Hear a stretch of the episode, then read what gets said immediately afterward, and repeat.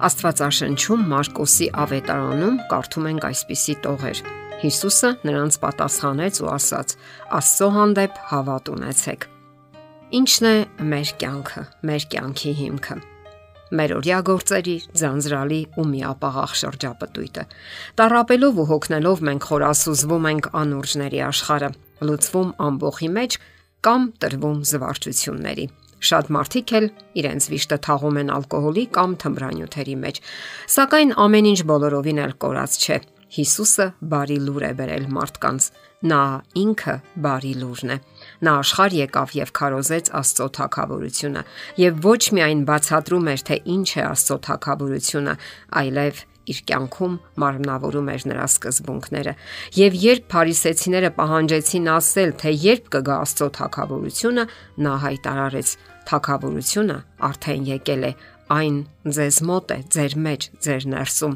Ես եմ թակավորը եւ եկել եմ, որ հայտնեմ ձեզ այդ մասին։ Եվ մարդիկ ցնծում էին, որովհետեւ Հիսուսը հրճակում էր ոչ միայն փառքի թակավորության լուրը, որը մի օր կգա, այլ շնորհի թակավորության լուրը, որը ճիշտ փոխհարաբերությունների պետք է տանի մարդկանց։ Այսօր է այդ լուրը ցնծությամբ է լցնում մարդկանց սրտերը։ Մարդիկ ապրում են հավատով, ապրում են հույսով, սակայն պատահում է, որ նրանք հուսահատության պահեր են ունենում։ Ահա թե ինչու այսօր մենք հուսալի ու փրկարար հավատք ենք որոնում, ձգտում աճեցնել մեր հավատը, որpիսի դառնանք Աստծո թակավորության անդամներ, վերստին ծնվենք, այսինքն նորից ծնվենք եւ ворթեգրություն ստանանք։ Իսկ ընդհանրապես Հիսուսը սովորեցնում էր ճշմարտությունները մատչելի ձևով, օգտագործելով պատմություններ առակների տեսքով։ Իր առակներով նա պատկերում էր մեծ ճշմարտություններ, որոնք անսովոր նշանակություն էին ձեռք բերում եւ մարդկանց հոգեվորություն ապարգևում։ Շատ դեպքերում նրա խոսքերը հակասում էին այդ ժամանակների կրոնական հայացքներին եւ ոչ միայն հակասում էին, այլև լուրջ ընդդիմություն էին առաջացնում։ Այդ պատմությունները կարող էր հասկանալ յուրաքանչյուր յուրաքանչյուր մարդ։ Ահա թե ինչու էին բոլորը հաճույքով նրա կողքին եւ վայելում նրա իսկապես աստվածային ներկայությունը։ Այդպես էր նա հետաքրքրություն առաջացնում թե ծերերի, թե երիտասարդների, թե կրթվածների, թե անգետների մեջ։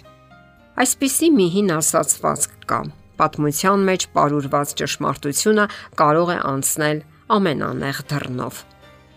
Հիսուսը մի հարուստ երիտասարդի հետ զրույցից հետո նկատեց, որքան դժվար է, որ հարստություն ունեցողները Աստծո արքայությունը մտնեն։ Այդ երիտասարդը եկել էր խորուրդ ստանալու մեծ ուսուցչից, ինչ որ բան անհանգստացնում էր նրան։ Նա տեսնում էր, թե Հիսուսի հետ շփվելուց հետո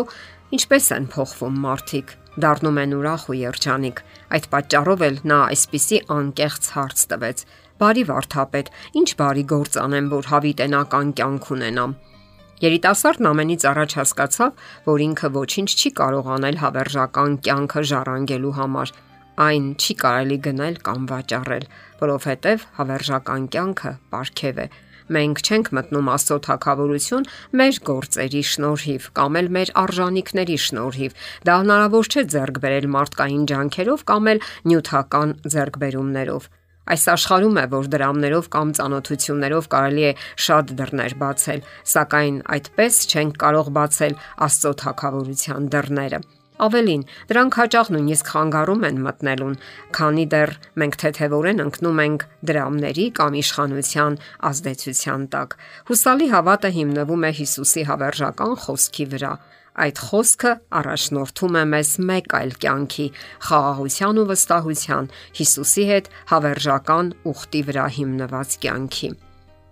Ձերկ բերենք խոր եւ հուսալի հավատ Աստծո հետ։ Ճանաչենք Հիսուսին մեր ամենօրյա կյանքում, պատմենք մարդկանց այդ մասին։ Մեկի հուսալի հավատը կարող է սատարել եւ ուշ տալ մյուսին։ Երբ մենք ամեն օր շփվում ենք Հիսուսի հետ, նա զորացնում է մեզ, ամրացնում է մեր հավատը Եթե նույնիսկ ընկնում ենք, նա անմիջապես բարձրացնում է։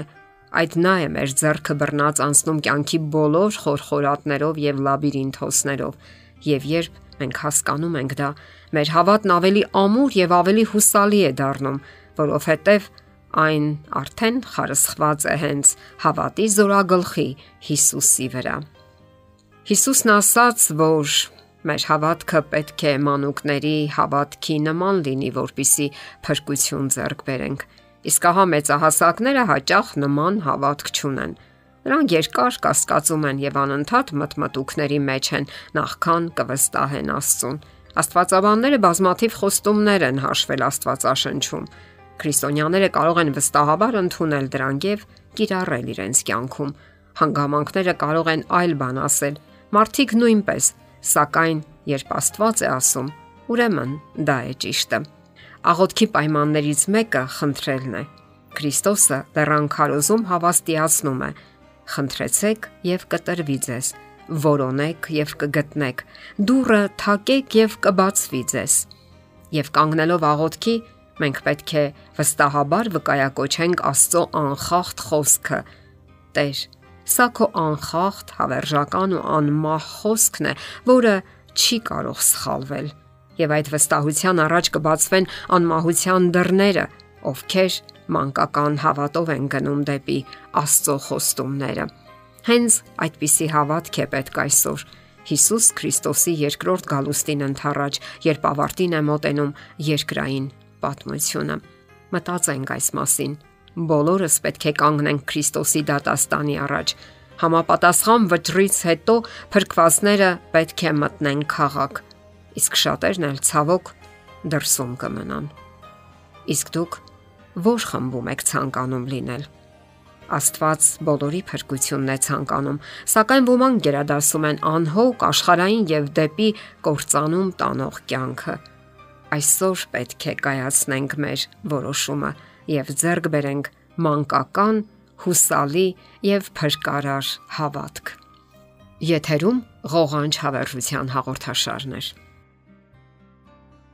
Հարցերի եւ առաջարկությունների համար զանգահարել 033 87 87 87 հեռախոսահամարով։